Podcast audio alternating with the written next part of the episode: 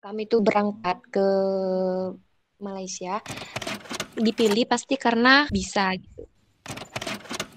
Sebelumnya udah ikut lomba inovasi daerah, lomba ini itu. Hanya ngaji tanpa ada gadget dan semacamnya. Halo teman-teman semua. Selamat datang di podcast perdanaku. Podcast inspirasi mahasiswa dan perubahan. Harapanku, setelah kalian mendengarkan cerita ini, dapat memberikan perubahan baik di masa muda. Oke, bintang tamu kita hari ini adalah Sinta, seorang mahasiswi sekaligus santri yang pernah mengharumkan nama Indonesia di negeri jiran Malaysia. Kita akan sama-sama mendengarkan experience menariknya selama mengikuti ajang perlombaan KLSF alias Kuala Lumpur Engineering Science Fair. Dan yang luar biasa, dia bersama timnya berhasil meraih medali perunggu untuk Indonesia. Gak usah lama-lama, kita langsung sambut orangnya. Halo Sinta. Halo semua, nama saya Sinta Dharma Octaviana dan saya sedang berkuliah di Universitas Jenderal Hasan, Genggong, Probolinggo. Oke Sinta, jadi bisa tolong diceritakan sebenarnya jenis lomba apa sih yang kamu ikuti di sana? Teknologi terapan, tapi di situ ada collab antara barang canggih dan barang sederhana. E, di sana anggota-anggotanya yang mengikuti lomba tersebut saling menciptakan inovasi canggih tapi apa ya dikemas secara sederhana gitu intinya teknologi terapan yang dapat menginovasi sebuah daerah tapi dari barang-barang sederhana Gimana sih awal mula kamu bisa terpilih sebagai salah satu anggota yang dipercaya bisa mengikuti lomba tersebut? Awalnya aku gak tahu ya, dulunya waktu di SMA pun aku tuh anak IPS, jadi aku itu gak ada planning terjun ke dunia teknologi. Apalagi bisa dikatakan aku termasuk siswi yang monoton jadi jarang banget ikut andil dalam perlombaan. Cuma waktu itu kebetulan di sekolah itu sangat-sangat menekankan setiap siswa atau siswi itu bisa berbahasa Inggris. Jadi aku tuh suka speaking English gitu. Mungkin uh, dilihat dari itu kali. Guru-guru sangat mempercayai bahwa aku bisa menjadi partner teman aku yang akan dikirim ke sana teman aku yang mahir dalam bidang teknologi. Tapi aku nggak menguasai grammar ya. Aku tuh cuma speaking aja apa sih yang mensupport kamu sehingga kamu mau menanggung beban yang begitu besar serta kepercayaan dari orang-orang sekitar untuk berani berangkat ke Malaysia.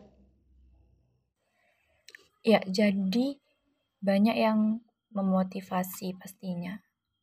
Kedua orang tua, teman-teman waktu di pondok juga, guru, intinya orang-orang terdekat, kiai, mendoakan juga pastinya, selain memberi motivasi. Kita ini sebagai santri itu gak bisa, gak bakalan bisa mengalahkan mereka dengan keilmuan. Masya Allah. Jadi ilmu di pesantren kamu terapkan ya ketika kamu akan menghadapi sesuatu yang besar, gitu ya?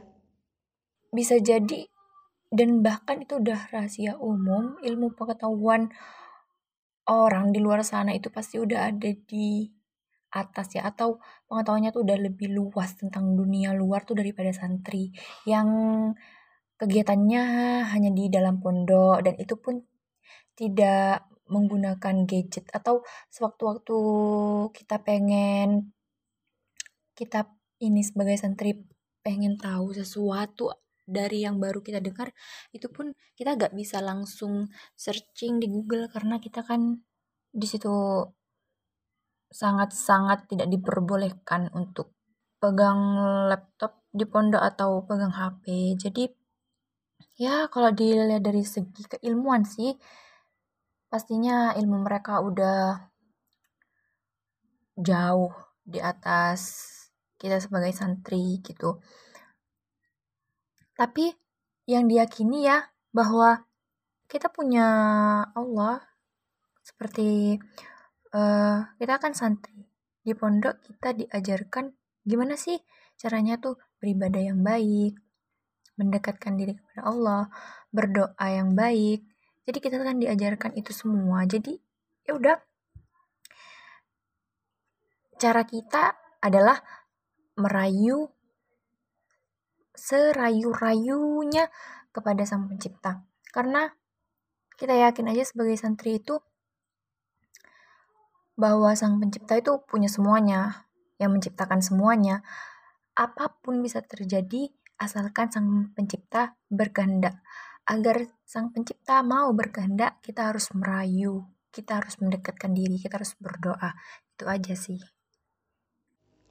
Kemudian, pengalaman menarik selama kamu mempersiapkan lombanya itu gimana sih? Boleh dong diceritakan? Kebetulan itu ada masih ada waktu satu bulan. Jadi selama satu bulan itu kami berada di satu ruangan khusus untuk belajar bahasa Inggris dan teknologi. Sholat pun di tempat itu, ngaji pun di tempat itu, belajar pun di tempat itu. Dari saking kami tuh mempersiapkan banget itu persiapannya kira-kira berapa lama sih? Udah sampai satu bulan kayaknya. Karena waktu pas pengumuman kalau tim kami dapat tiket ke Malaysia itu udah sekitaran satu bulan.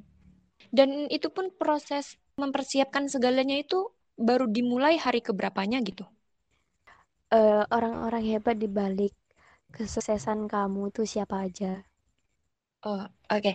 Waktu mempersiapkan itu ada namanya Mr. Haris sama Mr. Yakin. Dan yang di bidang teknologi itu ada Ustadz Nizar dan Ustadz Imron. Dan untuk aku kan kebetulan ada dua tim ya yang dikirim. Yang tim aku tuh tim pertama itu ada aku sendiri, teman aku Arifin. Dan tim kedua itu ada adik kelas Roshida dan Dewi. Karena mereka juga ya kamu semangat gitu untuk meneruskan perjuangan kamu gitu buat berangkat ke Malaysia ya. Awalnya sih ya minder ya karena mereka bertiga itu sebelumnya udah ikut lomba inovasi daerah, lomba ini itu. Ya, tapi balik lagi aku tuh yakin aja lah kenapa aku ikut. Mungkin aku itu bisa dikatakan selevel sama mereka. Aku itu seperti ya mengad mengada-ngada kepercayaan diri sih.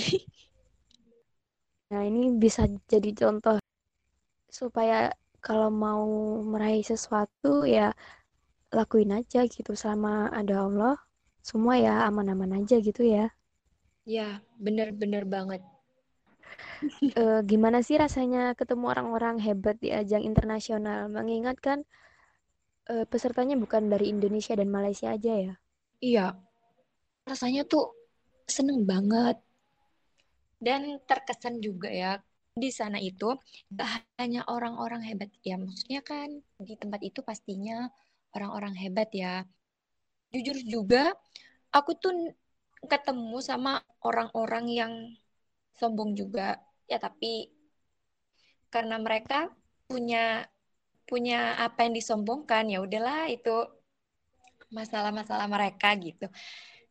Ada yang macam-macam sih. Ada yang rendah hati ada yang baik. Meskipun beda kepercayaan beda negara beda beda style atau penampilan gitu. Tetap nganggap kami itu orang-orang yang masih bisa diajak berbaur gitu.